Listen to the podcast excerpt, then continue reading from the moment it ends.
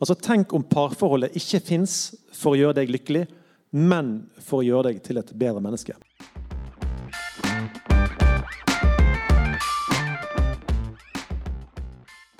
Vi er veldig opptatt av å finne drømmekjæresten, drømmedama, drømmemannen. ikke sant? De aller fleste har vært innom den tanken, vil jeg tro. Men hva om vi vrir om litt og tenker hvilken drømmekjæreste vil jeg være for drømmedama mi eller for drømmemannen min?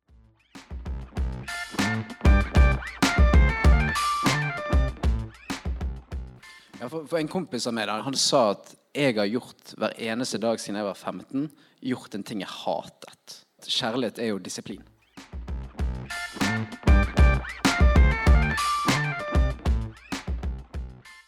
Jeg tror ikke vi til enhver tid er klare for et forhold. Det handler om eh, både å deale med ting i livet. Selvinnsikten er greit å ha. Eh, Det handler om hvor i livet du er. Om du har plass for å kunne se et annet menneske på den måten som et annet menneske trenger å bli sett. På samme måte som at du også skal være klar for å ta imot kjærlighet.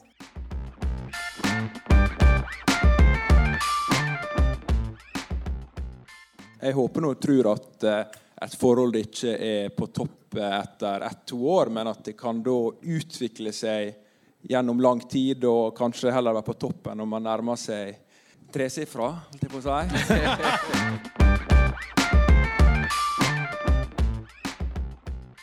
Men det er ikke forskjellene som er trusselen, sier jeg. Det er det at vi ikke klarer å forstå forskjellene.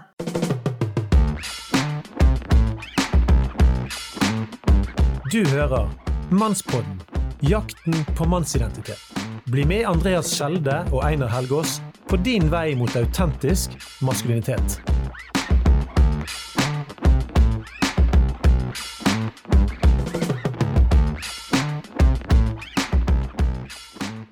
Mannspodden live, men jenter, bli sittende. Jeg er ganske sikker på at eh, basert på det jeg har hørt tidligere, så kommer det til å være også vel så relevant for dere som til dere gutta. For denne podkasten, den vil jeg si at har ført at jeg nå ikke lenger omtaler meg sjøl som gutt. Jeg er ikke riktig blitt mann, men jeg vil nå omtale meg sjøl som ung mann. Med de gleder, ansvar og plikter det medfører. Jeg skal eh, få lov og den store æren av å eh, introdusere, men dere skal også være med og hjelpe meg. Så gi en varm og god applaus til eh, Einar Helgaas og Andreas Skjelde.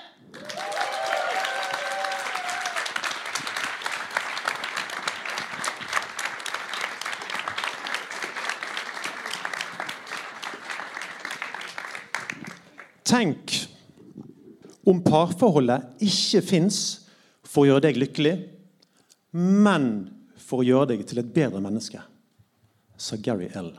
Thomas. Velkommen til Mannspodden live på Studentforum i Trondheim. Kom igjen. Yes. Jeg er din vert Andreas Skjelde, og jeg har med meg evig-unge mannsguide Einar Helgaas. Ta en applaus for det. Kom an. Det er bra. Og Einar, det er jo ikke første gang vi er i Trondheim. Det stemmer. Vi var jo her i fjor høst, og da hadde vi mannsseminar om broskap for Søperiet. Er det noen fra Søperiet her i dag? To stykker. Kom an. Men det var mye lyd i det. Veldig bra.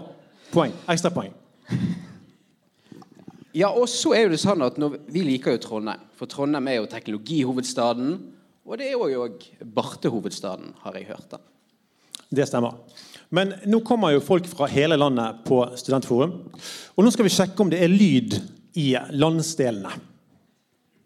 Er det noe lyd i Sørlandet?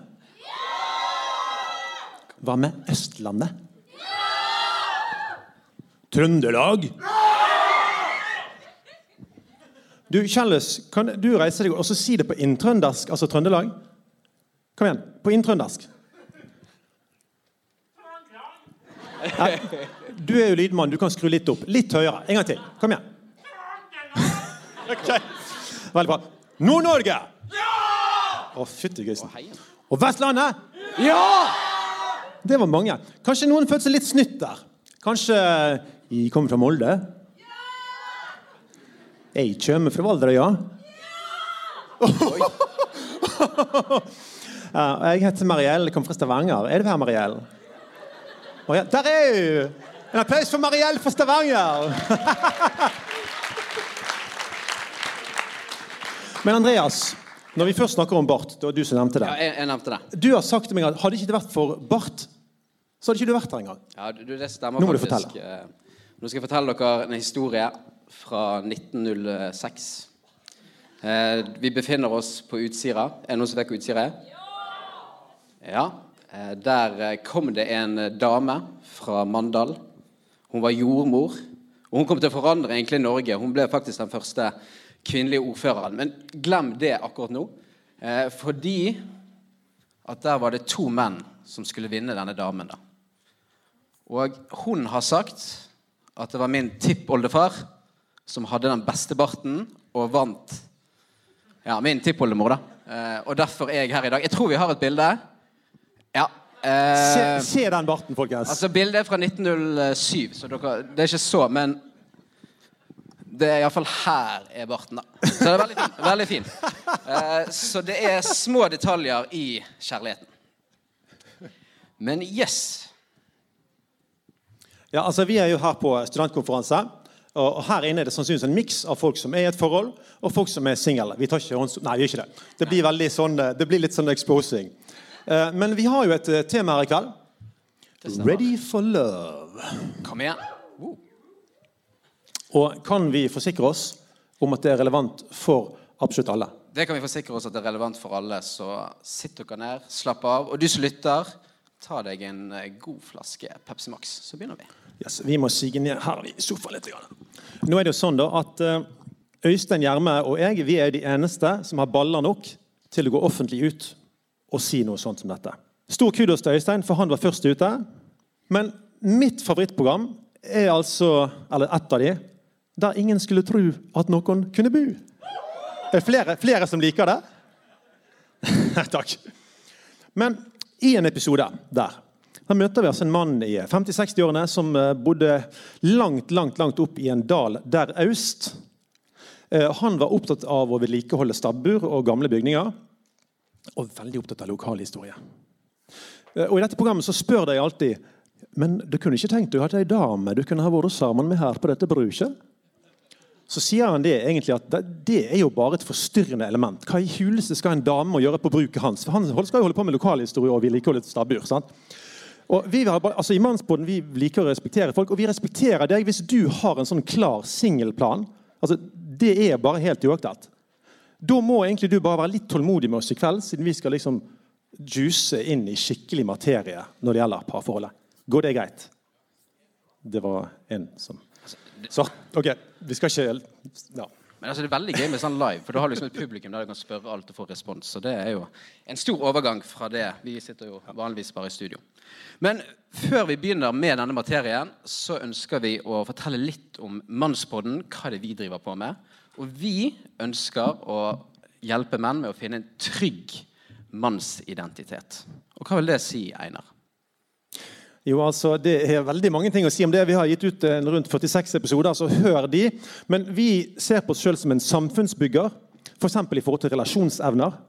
Så ønsker vi å bidra til at vi kan bygge sterke relasjoner. Vi er en brobygger. Vi ønsker å samle folk i studio som kanskje ikke i utgangspunktet er enig, og snakke om emner som faktisk er veldig viktige for livene våre. For vi er jo alle menn eller kvinner, og det er umulig å unnslippe.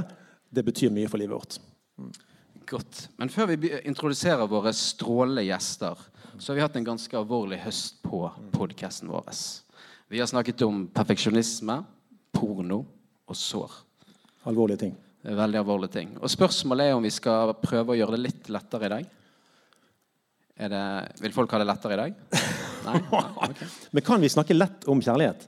Altså, det, kjærlighet er jo kanskje ikke så lett. Så jeg tror vi sier ja takk, begge deler. Vi vil snakke om et alvorlig tema, men eh, kanskje vi kan ha en litt sånn lett og fin tone. Og så får vi se hvordan det går. Men nå er det overmodent for å introdusere altså disse strålende gjestene våre. Og vi har en fantastisk gjest. altså Vi ønsker velkommen fra Kristiansand, faktisk, eh, på skjerm i kveld. Maria Mork, som er partolken. Gi henne en applaus.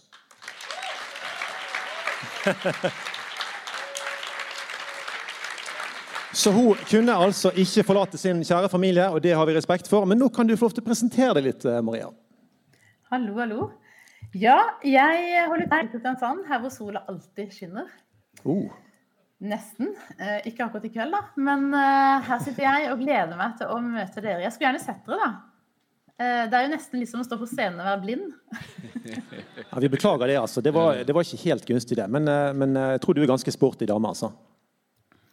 Det går nok fint. Ja, veldig bra. Yes. Yes, og da har vi et spørsmål til deg, Maria. Har du en fun fact om deg sjøl?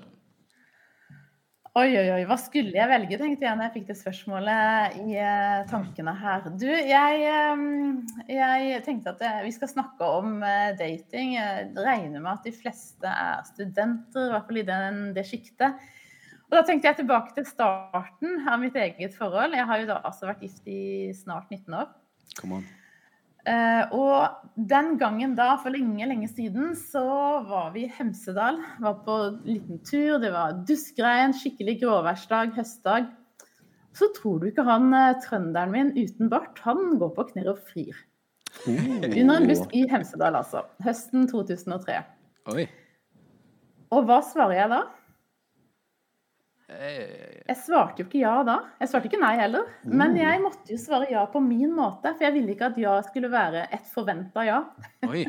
Så han måtte rett og slett vente noen dager før han fikk et ja. Men da fikk han et skikkelig ja òg, altså. Oi, oi, Oi. Men dette har ikke noe med vær å gjøre, at du måtte til Sørlandet for å få sol, eller var det Nei? Nei, Den gangen så holdt jeg til i Oslo, da, så jeg kan ikke sky- skylde på det heller. Men jeg måtte gjøre det på min måte. Ja. In independent woman, strong one. Var nok det. Du får det sagt, Einar. Det er bra. Men, og det leder oss, Når du snakker om dårlig vær, da, så leder det oss til Bergen. Det er jo eh, hovedstaden i, eh, i Vestlandet. Eh, og vi har jo egentlig veldig mange spalter i Mannsboden. Men vi må droppe de fleste i dag, fordi vi må kjøre litt på. Men eh, vi har én spalte. Det er bergenske uttrykk. Eh, så nå skal jeg si et bergensk uttrykk, Maria, og så skal du gjette hva det betyr. Oi. Er dere andre klare i salen òg? Ja, ok. Undik. Det er jo truse. Ja, det stemmer. Det er kanon. Det var for lett, Ja, Andreas! det ble altfor lett. Vi, vi må forbedre dette her. Eh, og Bergen vi ønsket jo veldig mange år å, Eller vi var jo hovedstad i begynnelsen, og så ønsket vi å fortsatt være det. Så tok østlendingene våre det. Ja. Eh, det er jo litt sårt for oss ennå. Eh, men jeg lurer da på, Einar, at eh, hvis vi hadde slåss med Undiken, da hadde det kanskje hadde kan ikke vinne der. Altså det, det er jo veldig lett å slåss i Nundik. Altså du er veldig sånn lett bevegelig. Og det er jo mye lettere enn, altså for eksempel I middelalderen så var den rustningen de hadde, var 30 kilo tung. Altså, den var, så det er jo veldig lett og greit og bevegelig. Ja, det, du får det sagt. Men yes, og da kommer jeg tilbake til deg, Maria. For de fleste i din bransje kaller jo seg samlivsterapeut. Men det gjør ikke du. Hva er det som gjør at du ikke kaller deg for samlivsterapeut? Og kan du få utdype litt mer hva du legger i partolkning? Ja. Først og fremst så er jeg ingen terapeut. Jeg er ikke utdanna terapeut. Og det har jeg heller ikke tenkt å bli. Du, partolk er rett og slett eh, en litt annen, eller ganske annen måte å jobbe med parforholdet på. Eh, Det handler om å guide og tolke par eller mennesker da, til å forstå hverandre, og spesifikt parforholdet. Og, og eh, rett og slett oversette. eh, Hva er det vi egentlig mener? Vi kan snakke samme språk, kanskje til og med samme dialekt, men allikevel så forstår vi hverandre ikke nødvendigvis. Så en partolk det trenger de fleste, har jeg forstått etter hvert. For vi er alle sammen forskjellige. Og de aller fleste kan oppleve litt krøll på tråden fordi vi er forskjellige. Og i den partolkningen, er det da personlighetstester du tar utgangspunkt i, eller hvordan er det det? Ja. En partolking handler om at vi også er praktisk relatert. Vi bruker eh, en analyse blant annet, som kartlegger hvem dere to blir i møte med hverandre. Det er veldig praktisk relatert. Ikke minst så handler det om å tenke herfra videre. I terapien så går man jo mer bakover i tid. Eh, og så er det fokus på å få nøkler til å snakke sammen og, og jobbe med det. Men ikke minst da, så handler det om å ta action. En partolking er ikke fullverdig om ikke det handler om å ta action, og at du skal ha noe du kan gjøre ut av den nye forståelsen du får. Så bare å sitte Så- og snakke om følelser, det, det er liksom Du vil at det skal skje ting? Ja, altså Følelser har vi jo, men det, er ikke det. det baserer seg ikke på at du må være god til å snakke om tanker og følelser. Så veldig mange er veldig fornøyd med partolking når de da ikke syns det er så lett å prate. Ja, og da eh, tror jeg vi skal gønne på med et konsis Altså da har vi et spørsmål, og da ønsker vi at du skal være konsis. Og spørsmålet er Når det blir vanskelig i parforhold, eh, har du sett at folk gir opp for lett? Åh, eh, jeg kunne svart ja med utropstegn, men det blir litt feil. fordi eh, jeg tror at de aller aller fleste i hvert fall jeg har vært i kontakt med, har jobba hardt for å prøve å få det til. Eh, men det kan også hende at flere i dag ikke har den kunnskapen eller eh, har fått opptreningen til at man kjemper for det man virkelig har kjær. Så er det jo sånn i dagens samfunn at eh, det er en frihet til å skille lag når det blir for vanskelig, og det er smittsomt med skilsmisser. Så når du spør om det er for lettvint å gi opp, og folk gir opp for lett, um, tja, det blir faktisk ikke et klart og tydelig ja. Det gjør ikke det. For jeg uh, tror at det er, uh, det er med store omkostninger når man bryter opp et forhold. Ja, livet, livet, er jo mer sammensatt enn sånn ja-nei vanligvis. Men jeg hører jo òg om en del eller Jeg kjenner et par som har med mange andre par å gjøre. Litt, litt sånn lignende rolle som deg, som sier at uh, det er en del som når følelsene forsvinner, så vurderer de faktisk om de skal fortsette sammen. Um, ja. og, og, og, hva tenker du om det? Er det litt lettvint? Eller er det, altså, hva er kjærlighet, liksom? Vi har faktisk hatt om det tidligere på konferansen her i kveld. Altså ja. At uh, kjærlighet er noe varig, mens følelser kommer og går. Det er sikkert og visst. Og så er det ikke alle som får den inputen. Og vi blir påvirka av det vi hører. ikke sant? Sånn at det er veldig mange som, som faktisk får den påvirkningen. Og det er, ikke så veldig, det er ikke så langt vi skal gå for å få den påvirkningen. Gjennom eh, filmer, TV, media av ulike slag, så er det vel lett å få den inputen at, eh, at når følelsen er borte, så er du ikke der du skal være. Mm. Og, og, jeg møter veldig mange, utrolig mange som har kontakt med meg når de har prøvd alt annet, og når den ene parten da opplever at følelsen er borte, og han eller hun tenker at han må ut av forholdet. Og bemerkelsesverdig mange mannfolk faktisk siste året, halvannet, syns jeg, som nettopp er der. I forhold til de henvendelsene jeg får da. Andreas, dette må vi ta tak i. Ingen tvil om det. Men du, altså, mens Maria da er vår ekspertgjest, så har vi òg eh, et par uh, gjester som er liksom i målgruppen deres. Så vi, uh, og de, de er uh, single. Så dette må vi legge merke til. Og de er veldig veldig interessert i å finne seg en partner. Og har lyst til å lære alt de trenger å vite i kveld. Så ønsk velkommen Sverre Olei Knardal og Dorte Klokk.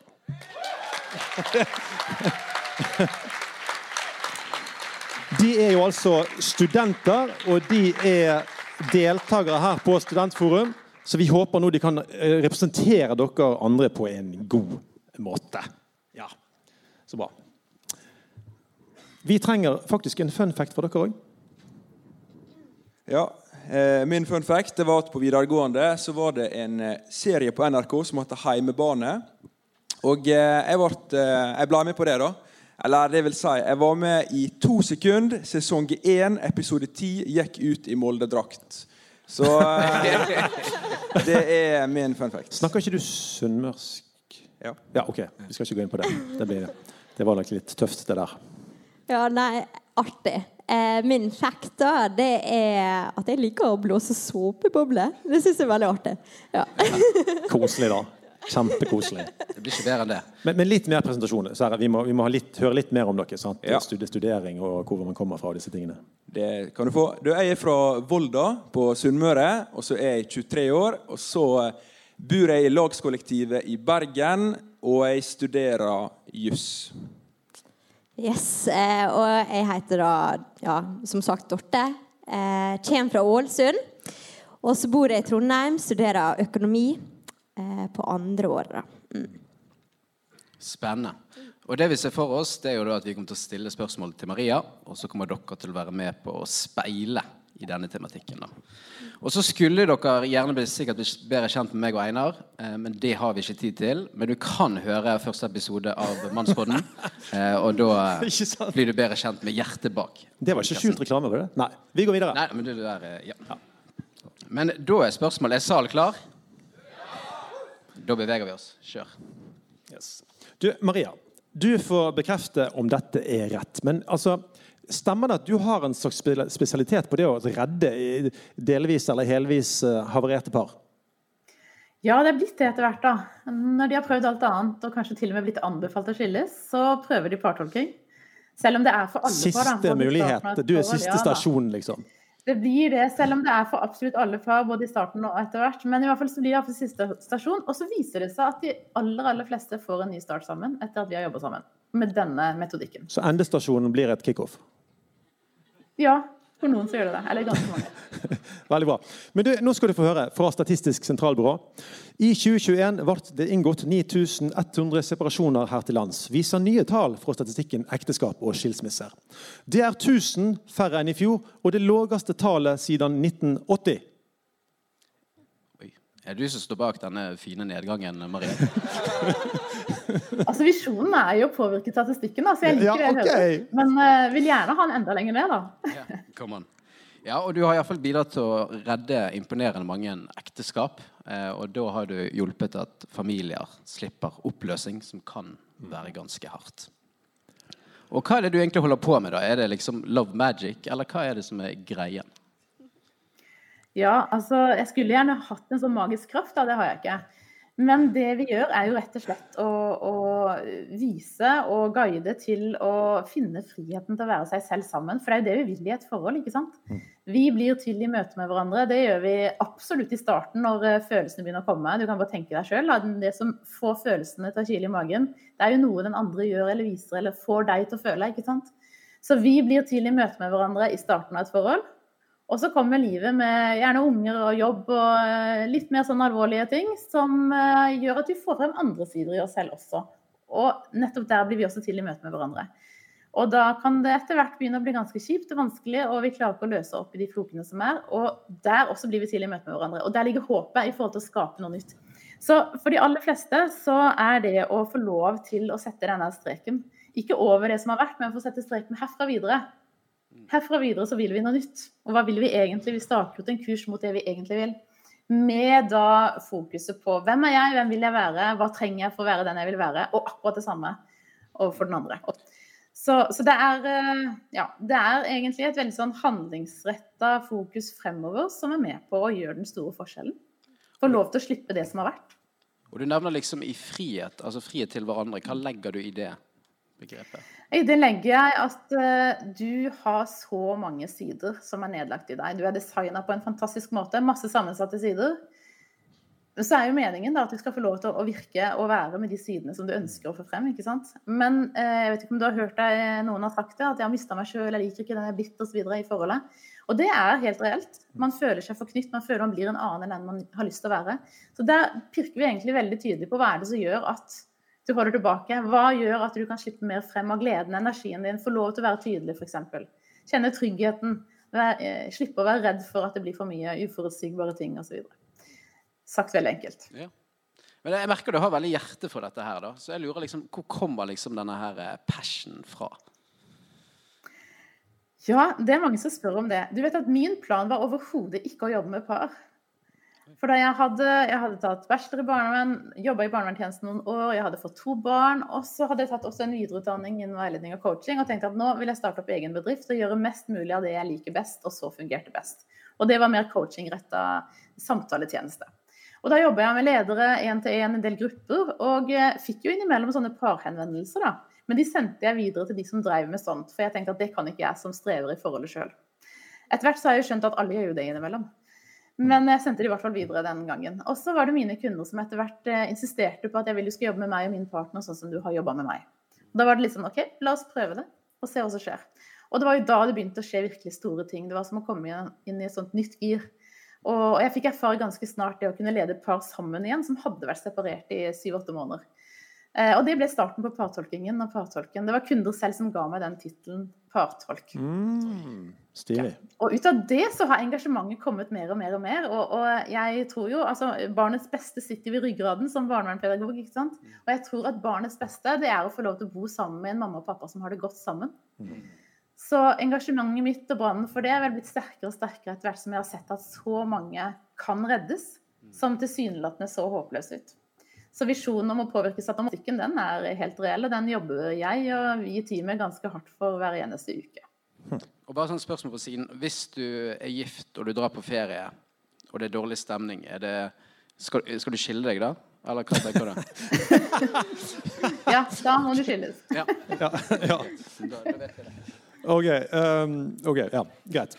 Jeg tror folk eh, tok den. Ehm, men Maria, vi har lyst til å gå videre litt sånn generelt først. Altså, eh, hvordan syns du det står til med norske parforhold om dagen? Altså, Norske parforhold nå om dagen altså Vi kan jo si at statistikken er gått litt ned. Fortsatt så er den veldig høy. da. Altså Nesten 10 000 par skilles hvert år. Det er jo i snitt 20 000 barn som må begynne å pendle mellom mor og far hvert eneste år. Det er ganske brutalt. Ja, det er det. Eh, Men jeg syns å se en tendens, eh, og har også lest meg opp til og hørt om, at det er lavere terskel på å søke hjelp nå enn det var før. Det er bra. Det er lavere terskel på å begynne å snakke om det som handler om parforholdets eh, gode tips, og også snakke om at det er vanlig å streve. Jeg har jo snakka litt høyt om det gjennom de åra jeg har holdt på, at vi, vi, må snakke om det. Løfte det frem, ikke bare ha fokus på ti gode grunner til å skilles og ti tegn på at forholdet er over, som det ofte er i media. Eh, og som også mange terapeuter står frem med. Så, eh, så jeg tror og syns at det har vært en liten endring der.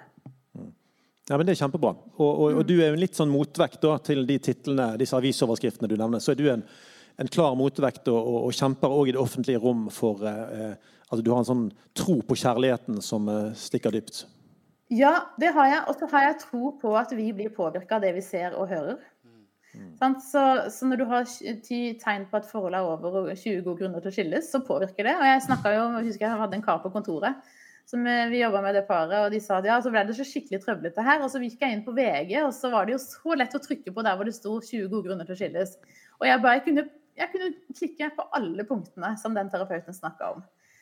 Eh, og da er mitt store engasjement i å skape håp. Altså Når du hører og kan skape at det er håp, så skaper det også kraften til viljen. Og for å få til et forhold gjennom et livslangt løp, så må man ha en vilje. Og for å få viljen, så må man ha håp.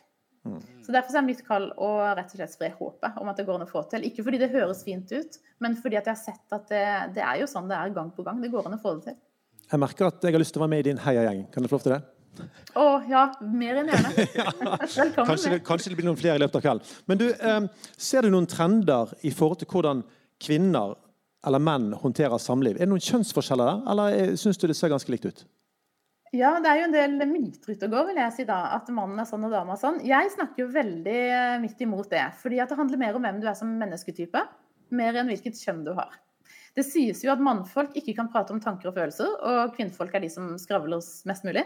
Eh, Men det ser jeg jo ikke i eh, min eh, partolking. Der er det jo rett og slett ofte mannen som er den som er god til å snakke om det man tenker og føler. Og veldig ofte mannen som tar kontakt og tar initiativet til å få hjelp. Så trendene, ja, altså Jeg tror det er mer variable mellom hvilken, hvilken mennesketype man er. Om man er en type som vil finne ut av ting sjøl og fikse ting sjøl. Om man er en skeptiker og rett og slett ikke tror at noen kan hjelpe. Det er mer og mer på å påvirke enn hvilket kjønn man har. Dette er veldig veldig spennende. Det skal vi se mer på videre. Men altså, vi må ikke spare på kruttet en lørdagskveld i, eh, faktisk i eh, karske fylke. Eh, Så Andreas har et veldig direkte spørsmål her nå, Maria. Ja, nå, nå tok du egentlig luften ut av det spørsmålet med det du sa nå. Men vi kjører på likevel. Eh, I sånne samlivssituasjoner, hva ser du Hva er det kvinner bør kanskje stramme litt opp når det kommer til samliv? som Bare du si det rett ut nå. At kvinner må stramme opp. Altså, Da må jeg igjen eh, tune litt over på disse ulike typene. da. Altså, Det er jo absolutt noen som er altfor kontrollerende. Som skal ha det på sin måte, og som tar regien på husholdning og på regien av hverdagen osv. Hvorav da den andre, og jeg vil ikke si at mannen nødvendigvis, men i noen tilfeller så er det mannen, blir eh, bakpå, må liksom, tune inn, eh, kompensere, legge til rette, og forsvinner mer og mer og mer. Fordi at den ene da tar mest kontroll. Og i en del tilfeller så er det kvinnfolk, ja, men det kan også være mannen som er der. Men da har Jeg bare lyst til å si, jeg har vært gift i 25 år sjøl. Altså, eh, klesvasken er jo en, av de siste kvinnebastionene som fortsatt finnes. De fleste, det er flest kvinner som tar klesvasker. Hvis mannen prøver å involvere seg, så er det mange kvinner som da begynner å Det er veldig detalj. Sant? Det er ni forskjellige kategorier. Og det er liksom hvis du har en stor genser som var så stor, så plutselig er den så liten. Og så er det veldig skarp kritikk her. Sant? Og, og, og det kan bli tøft. Sant? Så det å liksom slippe til å få gjøre det på sin måte, at en mann kan vaske klær på sin måte, f.eks. ute i bekken, for eksempel, sånn som de gjorde før, eller sånn. Altså, er, er vi åpne for sånne ting? Spør du meg? Nei, jeg tror ikke jeg gjør det. Vi går videre. Ja, og så, men, men Du har egentlig svar på det, men for mennene, da? Ser du noe Du ser ingen trender mellom, altså forskjeller mellom menn og kvinner i din praksis? Eh, man kan se tendenser, men variablene er så, såpass store. Men, men, jeg kan jo ta den andre varianten, da, hvor, eh, hvor, du har den, om det er han eller hun. Men det er jo en del som forteller at det er mannen som ofte er god til å ta vare på sine egne behov, og på en måte sørge for at en er engasjert og opptatt i jobb og trening osv. Og, så videre, og har litt mer vanskelig for å sitte hjemme og da lytte, spørre, være nysgjerrig, ta hensyn til følelser. Men igjen så må jeg si at der finnes det mange kvinnfolk òg, altså. Så det er ikke bare mannen som er sånn. Men uh, dette, dere tok imot dette, sant? altså folk i salen her, dere tok imot dette? sant? Veldig bra.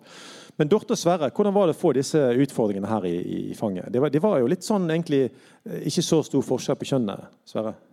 Ja, altså det er jo... Eh... Du elsker jo å ta og vaske klær, for eksempel, sant? Ja, jeg elsker å vaske klær og tjene og Nei da, altså, jeg tenker jo eh, Det å være en tjener, dette er viktig. Nei, men altså, jeg, jeg, tror jo på at uh, det hun sier, er, er riktig. Eh, med at det er, store, det er, store, forskjeller med mennesketyper.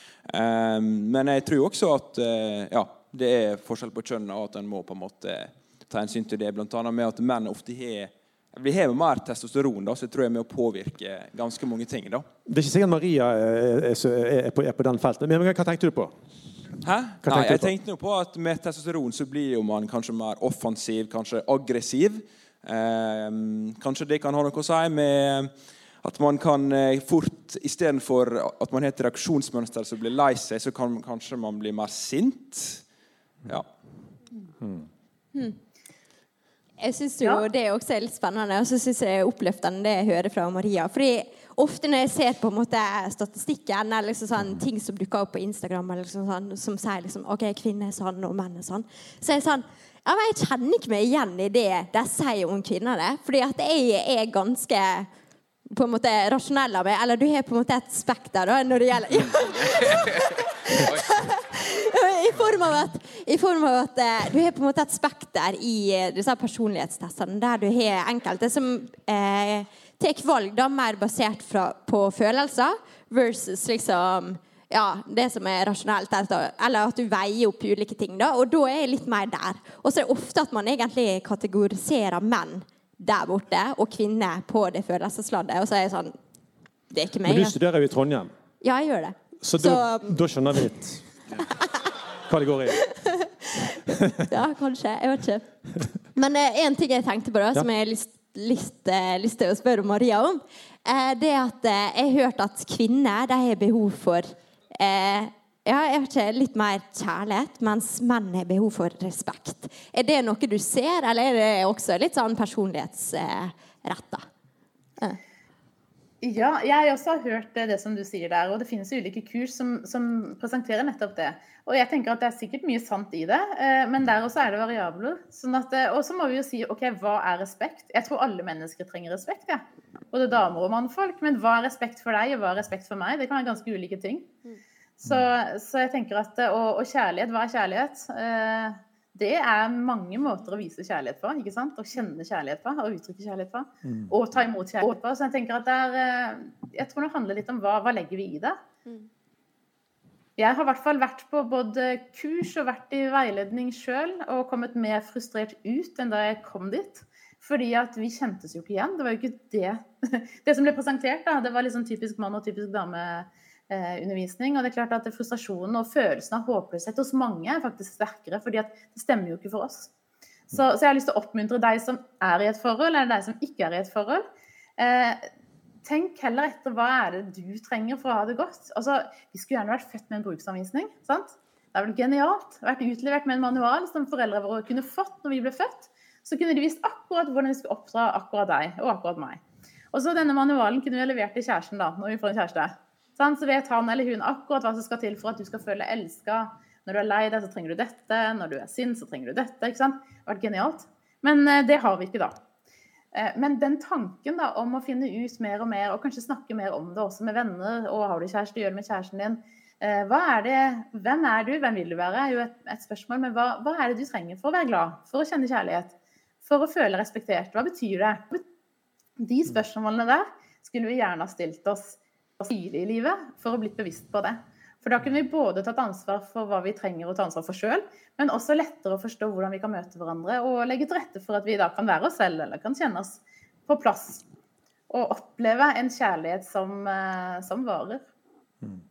Herlig. Dette, vi kunne båret oss dypt ned akkurat på dette punktet, men jeg tror vi, vi har lyst til å dekke en viss bredde her. Så hvis du har lyst til å, å spenne fast eh, trygghetsbeltet, eh, så kan du det nå. For vi har et litt røft spørsmål. Er det nesten blitt en slags menneskerett å skulle få oppleve romantisk kjærlighet? Og er egentlig alle klare for et forhold? Det er et litt tøft spørsmål, altså. Om det er en menneskerett eh, Du, altså, jeg håper jo at det er en menneskerett for så vidt å oppleve kjærlighet. Men om det er å få være i et forhold Jeg tenker jo det å bli klar for et forhold eh, er vel så viktig spørsmål her. Fordi at jeg tror ikke vi til enhver tid er klare for et forhold. Det handler om eh, både å deale med ting i livet. Selvinnsikten er greit å ha. Eh, Det handler om hvor i livet du er. Om du har plass for å kunne se et annet menneske på den måten som et annet menneske trenger å bli sett. På samme måte som at du også skal være klar for å ta imot kjærlighet. Ja, Et stort spørsmål egentlig, da. Det er jo det. Ja, Andre som har kommentarer på det her? Altså å bli klar for eh, kjærligheten. Nei, eh, jobbe litt med deg sjøl. Og... Jobbe med det sjøl? Ja. Hva er det går i om dagen? da? Hva er det du fokuserer mest på? Det må jo bygge karakter, ikke sant? Ja. Det å fokusere kanskje på ok, hva det er jeg er svak på, og så ok, da vil jeg jobbe med det her da, for å bli mer forberedt til et mulig ekteskap. Ja, det å ha bearbeida fortida. Eh, fordi Eller jeg har hørt det med bagasje. Eh, det kan by på problem da, når man går inn i et forhold. Jeg vet ikke om ja. Hva tenker du, Maria, når man kommer inn i, inn i altså jeg sier det sånn at Hvis mann og kvinne kommer med hver sin bil kjørende inn i eh, parforholdet med hver sin bagasje Du har noen gule bager, solskinnsbager med masse gode minner, og så har du noen svarte kofferter fulle av sår. Hva skjer når man da kleiser sammen med alt dette her? Ja, Det kan jo bli en riktig god salat. Men du vet at vi har jo alle sammen bagasje. Alle har vi opplevd eh, noe drit i livet, mer eller mindre. Men kanskje tror jeg det handler om det som du sa her, eh, å bearbeide. Ja, altså deale med det. At det ikke er sånne spøkelser som også gjør at du føler deg begrensa, du holder tilbake. Det er jo det som gjør det litt skummelt. Eh, Og som kan gjøre det vanskelig etter hvert i et forhold. Men, men de aller fleste av oss har bagasje. Og det er jo nesten sånn at uh, hvilken oppvekst vi har, er jo vel så viktig å bli klar over å snakke om. Fordi vi har med oss så mye fra barndommen av verdier, av eh, forbilder, på godt og vondt. Uh, og ta det med oss inn i et, uh, i et forhold og etter hvert i et ekteskap, det klarer vi å snakke om det, så tror jeg det er langt på vei en god vei å gå. Jeg husker det var et ungt par jeg traff noen år siden. Og han fortalte det at han ville ikke gifte seg med kjæresten sin før hun lærte seg å prate. Hun var altså kjempedårlig til å prate om det som skjedde på innsida hennes. Og grunnen til at han var så opptatt av det, det var fordi han hadde selv vokst opp med foreldre som ikke klarte å prate sammen. Det var så anspent og det var så konfliktfylt, og de skiltes etter hvert. Så for han så ble det en sånn Han var såpass klok, vil jeg si, da. Og hadde sett det så klart at vi må snakke sammen for at vi skal kunne gå inn i et etablert forhold. Så ja, nummer én, klare å snakke om det. Og så er det ikke sånn at vi klar, kanskje klarer å være helt eh, jeg skal si, urørt av sår. Vi har med oss litt av hvert, alle og enhver. Klart. Vi har faktisk, det kan jeg bare nevne, vi har, kommer nå i løpet av kort tid til å ha ute fire episoder i Mannsbåten om sår. Så vi skal ikke gå dypt heller i det nå, men der man kan jobbe med å behandle de og komme, komme videre med det. Men det, men det som eh, Sverre er inne på her, altså det med å jobbe med sin karakter Man kommer vel ikke utenom det. Altså Skal man forberede seg for et eh, godt samliv, det å jobbe med sin karakter på forhånd, altså det med ydmykhet og, og eh, sin integritet, hvem er jeg, alle sånne ting. Hva tenker du om det, Maria? Kjempefint å høre. Jeg tror vi trenger å jobbe med karakteren vår livet ut, kanskje. Eh, Det er én ting som jeg syns er fint å, å vri om tankegangen, og det er vel kanskje foregriper jeg begivenheten i forhold til hva dere vil snakke om etter hvert, men vi er veldig opptatt av å finne drømmekjæresten, drømmedama, drømmemannen, ikke sant? De aller fleste har vært innom den tanken, vil jeg tro. Men hva om vi vrir om litt grann, og tenker hvilken drømmekjæreste vil jeg være for drømmedama mi eller for drømmemannen min? Og de store min. Oh. Dette er Likte vi denne vinkelen her? Kom igjen, vi får høre litt mer. Ja. Litt mer. Ja, det handler jo om hvem jeg vil være. Jeg gjentar meg selv litt der, da. Men, men eh, det, hvis, hvis du vil være drømmekjæresten for drømmedammen din, hva betyr det, og hvordan vil du være da?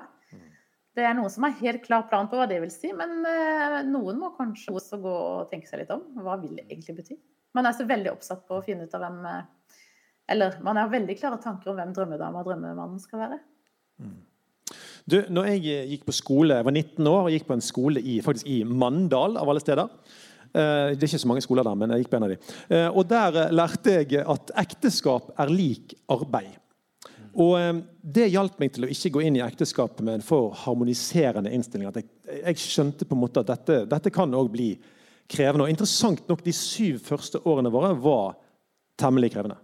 Rett og slett. Så skjedde det noe spesielt. Det får vi ta en annen gang. Men Sverre og Dorte, hva, hva kilder har dere på dette? Hva, hva, hva har dere lært om hva dere kan forvente dere hvis dere går inn i, i et livslangt forhold? Ingenting? Hva man kan forvente. Nei, det er bare eh, En ting som er viktig, som man ikke skal forvente, er jo at man eh, ikke på en måte skal utfylle hverandre, men heller at man skal eh, komme i lag og på en måte eh, Hvis man har visjoner eller sånn verdier, så at det på en måte skal prege en, da, og at man skal gå i samme retning, og at man eh, eh, på en måte skal backe hverandre, men ikke lene seg på hverandre sånn OK, hvis jeg ikke har det jeg vil si, så faller jeg, da, på en måte. Ja. ja. Jeg, jeg håper nå og tror at eh, et forhold ikke er på topp eh, etter ett-to år, men at det kan da utvikle seg gjennom lang tid, og kanskje heller være på toppen når man nærmer seg tresifra, holdt jeg på å si. Ok. Altså, Og, eh, og med det så tror jeg jeg mener at eh, det er noe med å kanskje ja, være ydmyk, som du sier, og ta litt skylda. da. Det at Hvis man har en konflikt, kanskje tenke at eh, det kanskje det, det er mitt problem som gjør at det er en konflikt. Kanskje det er jeg som må eh, ta the blame og jobbe. Ja. Altså, jeg har vært gift i 25 år. Vi har aldri hatt det bedre enn nå. Så jeg tenker for de som går inn i sånne ting, så med tid Men det har vært sinnssykt mye jobbing i vårt forhold. altså. Det må jeg bare si. Veldig, veldig mye jobbing. Så det kommer ikke gratis. Og ekteskap er lik arbeid. Det, ja, jeg bare har ikke sett det eh, at det er, det er Men For å spille litt videre på deg, for jeg tror du er inne på det med arbeid. Jeg tenker jo ofte at kjærlighet er jo disiplin. Eh, og hva tenk, altså Når du snakker om arbeid, sånn, hva legger du i det? da? Ja, det er godt. Eh, vi er egentlig nesten litt sånn tilbake til det som Sverre snakket om. altså Det med å jobbe med sin egen karakter. Jeg tenker at jeg må, jeg må hver eneste dag jobbe med meg sjøl for å være en, en god mann for min kone. Og selvfølgelig en far for de fire barna vi har. Eh, For hvis jeg ikke gjør det, da henfaller jeg til mine svake sider og, og, og mindre kjekke sider som egoisme, f.eks. At jeg har lyst til å holde på med mine prosjekter og sånn. Men hvis jeg ikke er villig til å blø for min familie, blø for min kone jeg, Kanskje jeg har lyst til å forberede Mannspodden en kveld, men så står det en elendig oppvask der. Så det, ja, men det er jo egentlig meg som bør ta den oppvasken nå. Sant? Hvis jeg da ikke tar den og går inn på kontoret mitt og jobber med, med, med Mannspodden, ja, det funker ikke. Og, og sånne valg må vi ta hver eneste dag. Sant? Eh, og, og, og være en tjener i familien, rett og slett. Eh, og, er det noe av det, mine svakeste sider ligger rundt det. Eh, Jeg er yngst av fem brødre, og jeg fikk alltid den desserten som sto igjen i kjøleskapet, som min mor hadde lagd. Jeg vet ikke om det var så lurt, mamma. Men, eh, men da, da har jeg fått en sånn skeivere start på ting. Og har måttet slåss som en tullball for å liksom komme mer i hakk på de tingene. Og, og det er sånne daglige ting man må holde på med. da. Ja, for, for En kompis av meg, da, det er kanskje en brannfakkel jeg kommer med nå, men han snakket om at han er gift, og han sa at derfor han er gift. da. Det er, jo, det er veldig farlig når han begynner med det. da. Men han sa at jeg har gjort hver eneste dag siden jeg var 15, gjort en ting jeg hatet. Altså For han var det å løpe. da. Han hatet å løpe. Eh, Men han måtte gjøre det hver dag, for han visste at det ville forberede han på ekteskapet. Eh, Maria, nå, eh, nå eh, Jeg vet ikke om jeg spiller deg så god her, da. Eh, men eh, hva tenker du om eh, min kompis? Eh, ja, jeg nevner ikke navn, selvfølgelig. Han hører ikke på Mannspodden, heldigvis. Men ja. At han tror at han må løpe. Ja, Jeg Må Det si jo- det en gang til. Jeg fikk ikke helt med hva du ja sa. men det er bra. Eh, nei, Han snakket om at derfor han var gift, det var på grunn av at han før han giftet seg, så gjorde han fra han var 15 år, da, så gjorde han én ting han hatet hver eneste dag, og det var å løpe. Og han sa at det gjorde han til en god ektemann. Og da tolker jeg det som at han tenker at det å trene disiplin, som du nevnte i stad, det å faktisk stå i noe som ikke smaker godt, det ga han muskler. Altså overført betydning. Muskler til å stå i det som er. Og det, det er jo klart at det er masse om det med å bygge muskler. Jeg snakker ofte om at jeg er en personlig trener for par. Det er snakk om trening. trening av muskler som ikke er så sterke. Og han trente jo da noen muskler som han hadde veldig nytte av, vil jeg tro, i samlivet når, eh, når ting ikke er så gjevt. For det er jo sånn det blir innimellom. Selv om man ikke bare skal snakke dyster, for det hørtes egentlig veldig slitsomt og lidelsene gå inn i et Ja, ja. ekteskap når det er arbeid, det er disiplin, det er liksom Litt sånn asiatisk stemning av han kompisen din. Det er sånn Ja, beinhard ja, det er beiner, men, eh, men han er veldig fornøyd da. Han er veldig fornøyd med det utsagnet. Og jeg, jeg ser det i altså, de, de har et veldig bra ekteskap. Det er jo veldig viktig for meg å understreke her. Eh, Men, eh, men jeg tror det kanskje ligger noe i det. For det, det er jo ikke, det er ikke bare gode dager, som du òg nevner, Einar. Men du, Maria, hvis du møter en person som er en ulykkelig singel person, som ønsker å gå inn i et parforhold for å bli lykkelig, hva ser du for deg skjer da? Altså, da vil jo det å få en kjæreste redde alt. Nei, det ikke sant det vil det? Nei, det vil jo ikke Vi går det. videre. Det vil jo ikke det. Men det handler jo selvfølgelig om at du først må ta en liten prat med deg sjøl. For å spørre hva er det jeg trenger for å ha det godt. Hva er det som gjør at jeg vil bli glad og kjenne lykke? Og så må jeg jo spørre hva er lykke i seg selv? Det, det å være lykkelig. Det er jo et begrep vi kan diskutere litt. Hva betyr det? Eh, Å være tilfreds er for meg lykke. Kunne kjenne tilfredshet. Sant? Så søker man lykkelighet med at det skal være sterke følelser hele tiden, eller at man skal høre til et annet menneske. Det er det som skaper gleden i livet. Dette, jeg tror det handler litt om først gå i seg selv. Hva er, det, hva er det jeg trenger for å kjenne lykke, og hva er lykke for meg? Og noe har du ansvar for sjøl for å kunne klare å eh, kjenne lykke, uavhengig om du er en partner eller ikke. For det vil også være av betydning for hvor lykkelig du blir i et forhold. Men det er klart at eh, det å få lov til å savne et menneske man har lyst til å leve livet med, eller være nær, det er jo en helt, et helt naturlig savn. Jeg tenker at det er sunt. Men å basere all lykke på det, det tror jeg, da blir man skuffa. Men eh, La oss eh, teste dette startsitatet vi hadde i kveld, som altså er omskrevet av Gary L. Thomas. Altså, Tenk om parforholdet ikke fins for å gjøre deg lykkelig, men for å gjøre deg til et bedre menneske. Det blir litt sånn Dag Otto Lauritzen. Blir den beste versjonen av deg selv. Um, men hva tenker du, Maria? Kan vi bruke det sitatet til noe? Jeg syns det er et veldig bra sitat. Ja. Ja, men da går vi Altså- videre. Nei, ja.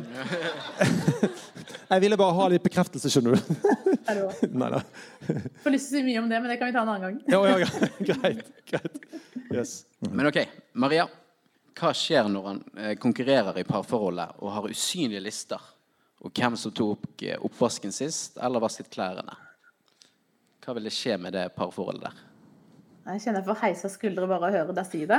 For det er eh, oppskriften for å, for å tape for begge to. Eh, Konkurranse er sjelden eh, noe man blir lykkelig av. Og det er der jeg kommer inn med, med dette som handler om å få være forskjellig. At det skal være plass for deg, og det skal være plass for den andre. Vi skal være forskjellige. Jeg snakker mye om det å utfylle hverandre. Det er meningen at det skal være forskjellig. Og hvis vi da har en konto på at alt skal være likt, da bommer vi, altså. Det vil ikke fungere hos oss i hvert fall. Og jeg ser hos mange så er det en befrielse å få lov til å lande i aksept for at de skal være forskjellige. Eh, og mange sier jo at det å være forskjellig, det er jo derfor vi skilles. Mange, mange har det som en begrunnelse. Og, og det er forståelig, for det er vanskelig å være sammen og, og, og klare å håndtere hverdagen når vi er så forskjellige. Men det er ikke forskjellene som er trusselen, sier jeg.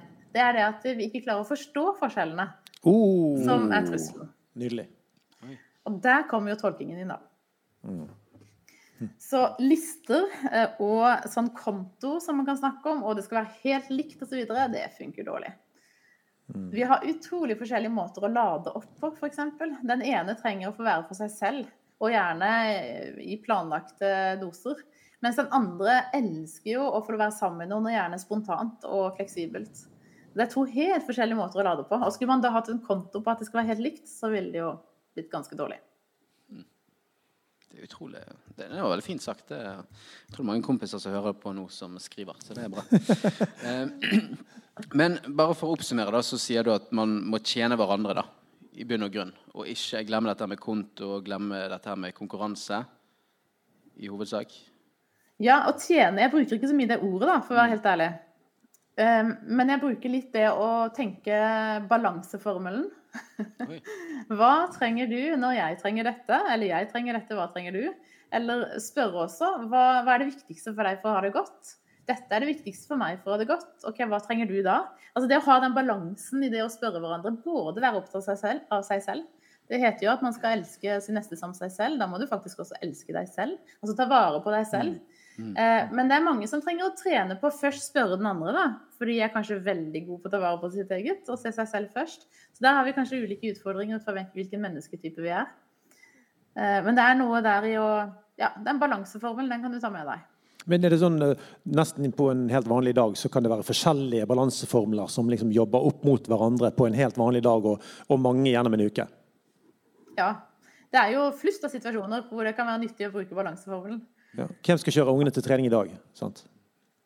Ja, det kan være. Men det er jo en sånn praktisk logistikkavklaring. Men det er klart at ok, jeg tar og kjører ungene, da har jeg behov for å være litt aleine etterpå. Hva trenger du da? Det er jo en måte å gjøre det på. ikke sant? Eller hva er det viktigste for deg i ettermiddag for at det skal bli en god eh, ettermiddag? Jo, du kjører ungene, og så kan jeg ta middagen. Altså, det er jo en måte å, å balansere på, men da ut ifra hensyn til behov og hvilke behov vi har. Og Ut ifra denne eh, balanseformelen, er det noe vi som er single, kan forberede oss på det før vi går i forhold? Å bruke denne her eh, Definitivt. Ja. ja, det tenker jeg. Nummer én det er å bli klar over eh, seg selv, bli mer kjent med deg selv. Åssen funker du? Apropos den bruksanvisningen, den kan du begynne med allerede når du er singel. Bli kjent med deg sjøl. Det andre er jo å trene seg på avklaring. Trene seg på å være nysgjerrig. Det er å være interessert i andre være interessert, trene seg på å bruke de spørsmålene kan du gjøre i vennskap òg. Eller med mor og far og søsken og de du har rundt deg. Utrolig godt tips. Eh, jeg har lyst til å komme med et eksempel. Det var et amerikansk eh, ektepar som eh, det holdt på å gå fullstendig gale for. Så bestemmer mannen seg for at han ville redde dette ekteskapet. Så han begynner å tjene kona veldig sånn hver dag. Og En dag så spør han du, eh, hva kan jeg gjøre for deg i dag. Og hun var fortsatt ganske hard tilbake igjen. Hun hadde ikke blitt smelta av at han hadde begynt å forandre på, på seg sjøl. Så hun sa eh, kan du rydde garasjen. Og den var temmelig rotete. Og Han hadde egentlig ikke tid til det, for han hadde en veldig travel jobb. Det var en dag da han virkelig trengte å gå på jobb. Men han beit det i seg, for han hadde en sånn klar visjon for at han skulle redde dette ekteskapet. Så han går og rydder den garasjen. Det tar flere timer. Og Det som skjer er at eh, det, hva skal jeg si, det blir liksom som glødende kull, kull som samler seg på hodet hennes. Eh, og Hun knakk jo liksom litt sammen under denne her tjenerskapet hans, da, for å bruke det begrepet. Så hun begynte å tjene han. And guess what? Det ekteskapet ble, ble redda. Det var på god kurs ut i grøfta. Men det ble redda fordi én bestemte seg for at jeg vil, jeg vil tjene. Nå er jeg ikke, ikke helt vant til denne balanseformeltankegangen ennå. Men, eh, men, eh, men, det er en måte å si det på. da. Eh, og Maria, når du ser du at folk eh, gjør sånne ting, at de, på en måte, de får tak i et eller annet inni seg som gjør at de skifter, skifter holdning? Ja, det er jo det som skjer. Det er akkurat det som skjer. Og man gjør det felles og velger en ny intensjon. Det er som Jeg hadde et par på kontoret i går. De har vært sammen i over 35 år, tror jeg. Og har hatt trøblete ting over lang lang tid, av mange år, og sår tilbake til eh, tidlige tider. Og så, og så, er det sånn at orker vi dette her? Eh, det er blitt så vanskelig. Og så spør jeg hva vil dere egentlig, da? Hva er det dere egentlig vil? Jo, vi, vi vil jo egentlig holde sammen. Vi har jo en historie, og vi skal snart bli besteforeldre og ha tre-fire barn sammen. Og, ja. og så sier jeg, men da må vi få til det, da. Så bretter vi opp armene, så skal vi begynne å få til det. Og da er det nettopp å velge seg en intensjon. Og intensjonen de valgte seg, var godhet. For det var det de ikke måte klarte å tenke så langt. Det å tenke langt frem kan være vanskelig, men det å velge godhet som intensjon. Rett etter paret da, som eh, etter hvert begynte å tjene hverandre. Mm. Det å velge godhet handler om at du må også velge holdningen av at jeg tror at du vil meg godt, og jeg vil velge deg godt. Og da handler det om at vi må begynne å sjekke ut Når du opplever noe som ikke føles godt, så kan du sjekke opp mot intensjon. Jeg vet at du egentlig vil meg godt, men dette her føles ikke godt. Hva mente du egentlig? Det blir en annen måte å tilnærme seg dette på. Og da er det praktisk handling som funker, altså. Det er det som skaper forskjell i et forhold som holder på å havarere. Det er endringer praktisk. Nettopp å spørre hva trenger, hva kan jeg gjøre for deg i dag, er en måte å gjøre det på. En annen måte å gjøre det på er jo å velge å se hverandre i øynene istedenfor å la være, som man gjør når man har det vanskelig. Eller å eh, strekke seg litt ekstra når man egentlig vet at eh, den andre er sliten. Det å velge praktisk handling, det er det som gir resultater. Men sånn som Sverre og Dorte som sitter her. altså det som hun sier, Kan dere praktisere dette i kollektivene deres og liksom egentlig øve igjen før man kanskje finner en partner en gang? Absolutt. Jeg tenker det der med kommunikasjon da, og ja, kommunisere det du føler på eller kjenner på. Så om du er sliten og har behov for å ha det stilt rundt deg, eller ikke prate akkurat nå, så si det. Um, mm. Og ja, også bare sånn dele OK, jeg har behov for å ja, hver dag jogge med en tur fordi jeg trenger å koble av og eh, få ny energi. Um, ja. Mm. ja, det er jo absolutt eh, Alle sammen må ta et tak. Det går ikke alt bare én gjør det. Eh, og så har jeg tenkt litt på det med at eh, de jeg bor med, da, at en prøver på en måte å leve et litt sånn et litt sånn kjekt liv. altså Man, man, man, et, man prøver å leve sånn, litt sånn eventyrlig. Man finner på kjekke ting. Man er litt sånn på oppdagelsesreise. Og jeg bare lurer på, Maria, om det er Ser du det at fokuset bare på det å ha det gøy, er det på en måte, Finner du den egenskapen igjen i forhold som vare? Ja, absolutt. For noen så er det kjempeviktig. Og for de som har fått det trøblete, så er jo det forsvunnet helt. Men igjen da, så må jeg jo si at det handler om hvem du er som mennesketype. Sant? Hvor viktig er det for å ha det gøy? Kanskje er det like viktig for deg å ha det trygt og forutsigbart, for det er så viktig for at du skal trives og ha det godt. Så, så, det er klart at der er det jo gjerne litt ulike mm, primærbehov, kan man si. Men et forhold som innebærer latter og smil og letthet og gøy, det er klart at det er, eh, det er en veldig god eh, ingrediens å ha med i et forhold som, som skal vare. Bestemora mi hun eh, sa et lite råd til meg nå i jula. Da, der hun var sånn Det er så viktig å ha en felles hobby eller en felles aktivitet som dere kan gjøre i lag hva du tenker om det? Er det noe du ser at ok, de som kanskje har litt problemer at de ja, Jeg vet ikke. Jeg ser men man sånn der økt eh, mobilbruk og sånn kan jo medføre at man bruker mer tid på mobilen enn med partneren sin. Jeg vet ikke ja, om du har tanker rundt det. Det er det enkleste å bruke tida på den. Den er jo så tilgjengelig. og der er det stadig påfyll av noe. Sånn at så det er veldig enkelt å, å, synke ned i sofaen eller ligge i senga med den. Så det å ta noen sånn verdivalg, rett og slett. av jeg, hvor, hvor, mye vil jeg den skal bety for meg i livet? Mm. Skal den være med inn på soverommet? Skal vi ha den i stua når vi er sammen? Skal vi ha tider hvor den er helt avslått? Noen familier velger jo at de alltid har eh, telefonene liggende i en kurv i gangen, så har den ikke med seg inn til matbordet. Altså Her er det jo ref bare det med telefonen, så kan du flytte det over på andre områder også. Men jeg tenker at vi, vi har godt av å ta noen verdivalg der. For det er lett at bare, man går inn i et mønster, og så blir det sånn. Og så er det veldig vanskelig å komme ut av det når man først kommer inn i det mønsteret. Jeg lurer også bare på det med å, det å forstå partneren sin. Er det en gave bare noen har, eller er det mulig å arbeide opp?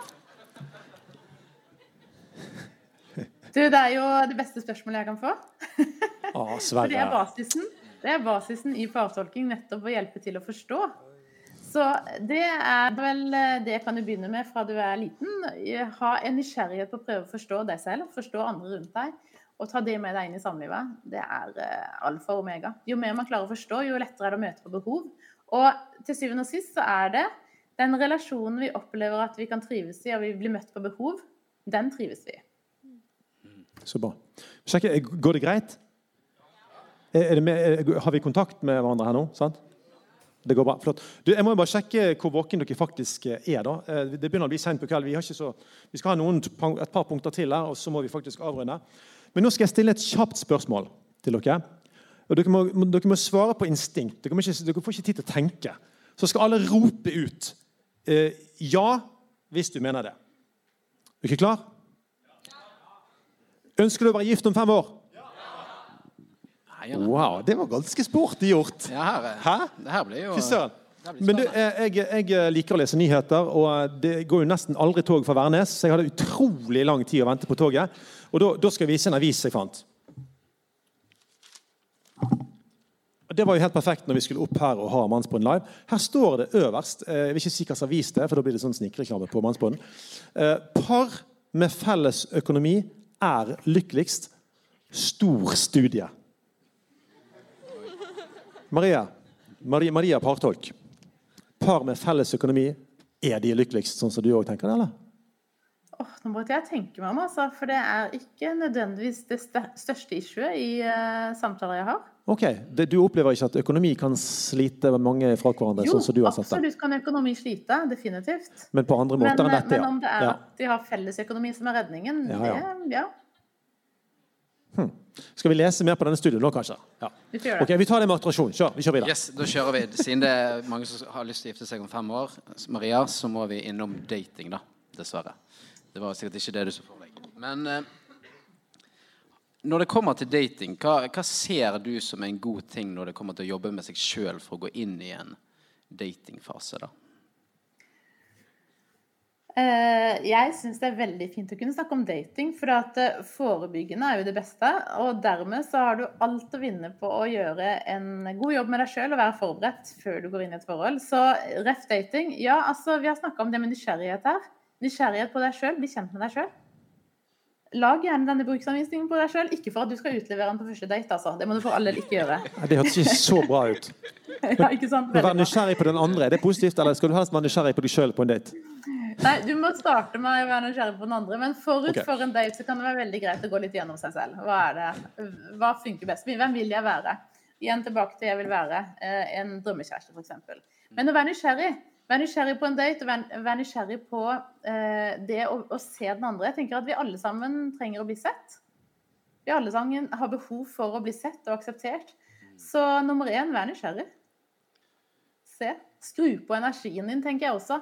Eh, du vet at Vi kan ta en liten test i salen. Nå er klokka mye, og folk er kanskje trøtte. hva vet jeg, Eller veldig utålmodig utålmodige etter å komme ut og teste ut alt det vi snakker om.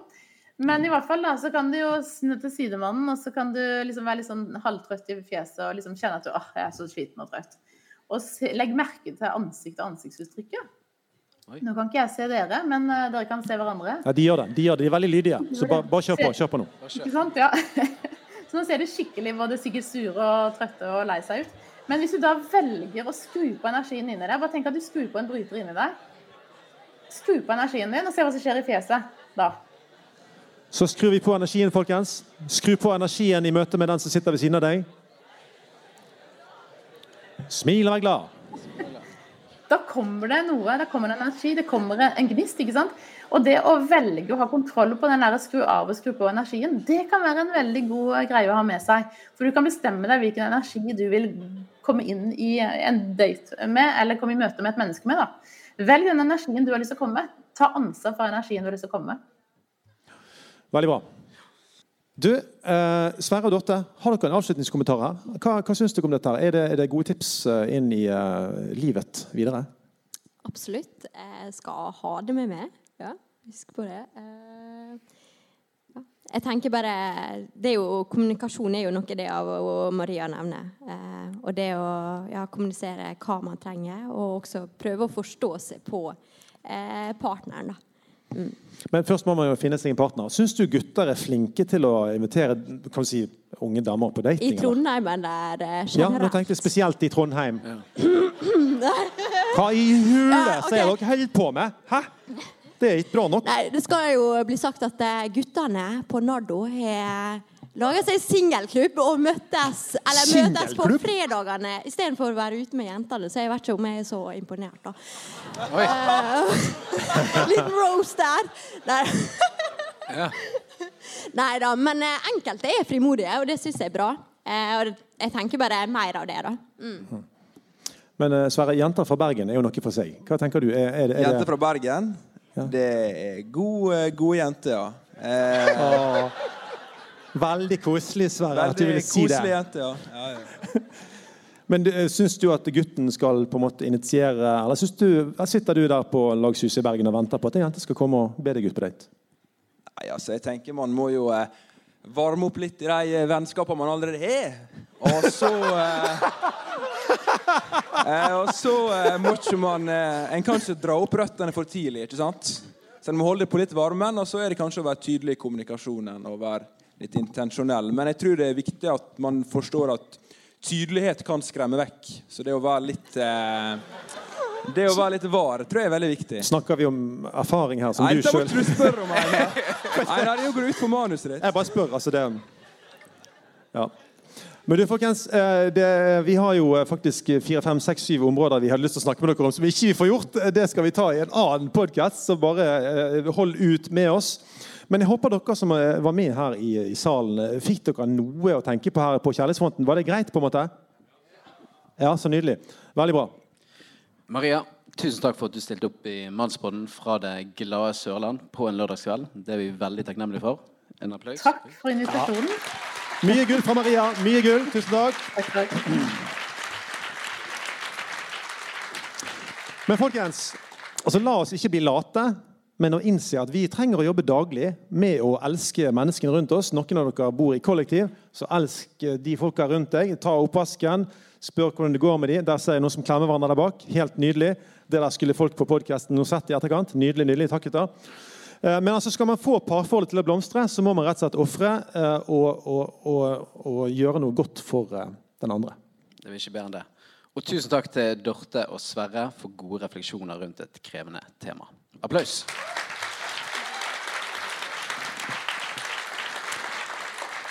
Og så, eh, Sist, men ikke minst, vil vi gjerne takke Hans Christian og Studentforum for at de turte å slippe oss til her med vårt livekonsept. Tusen, tusen takk for det. Vi håper jo at ikke vi blir møtt utenfor av eh, sinte trøndere med spisse bar-til-bar-sko og, og, og, sånn. For vi, vi, kan ha sagt noe galt. Altså, vi, vi, kjenner ikke den lokale kulturen her i Trøndelag. Så vi, vet jo ikke hvordan det går. Nei, det gjør vi ikke. Yes. Eh, og vi håper dette ga mersmak. Og hvis du har lyst til å høre mer fra Mannspodden, så har vi faktisk over 50, snart over 50 episoder. Det er nesten like gammel som du er, Einar. Det er faktisk helt riktig. det. Ja. det er faktisk helt riktig. Takk, Andreas. Takk, takk. Og det, Del veldig gjerne nyheten om Mannsbåten med både kvinner og menn, for vi tror at dette altså kan være med å bygge samfunn og bygge bro mellom mennesker. Mm. Plus, pluss. Bli gjerne med i Facebook-gruppen vår. Vi har en Facebook-gruppe som heter Mannspodden. Og hvis det er noen som er på Insta, så er vi òg på Instagram. Så søk oss opp. Der heter vi òg Mannspodden. Og Liker du dette, så er vi veldig glad hvis du har lyst til å gå inn på Spotify eller Apple Podcaster og gi oss noen stjerner, for det gjør at enda flere kan få høre oss. Og vi sier faktisk ha det bra på tsjekkisk ahoi!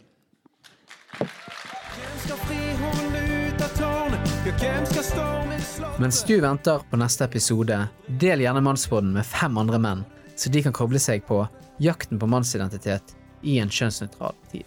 Hvis du ønsker å lære enda mer om denne tematikken, følg Mannspodden på sosiale medier. Vi snakkes.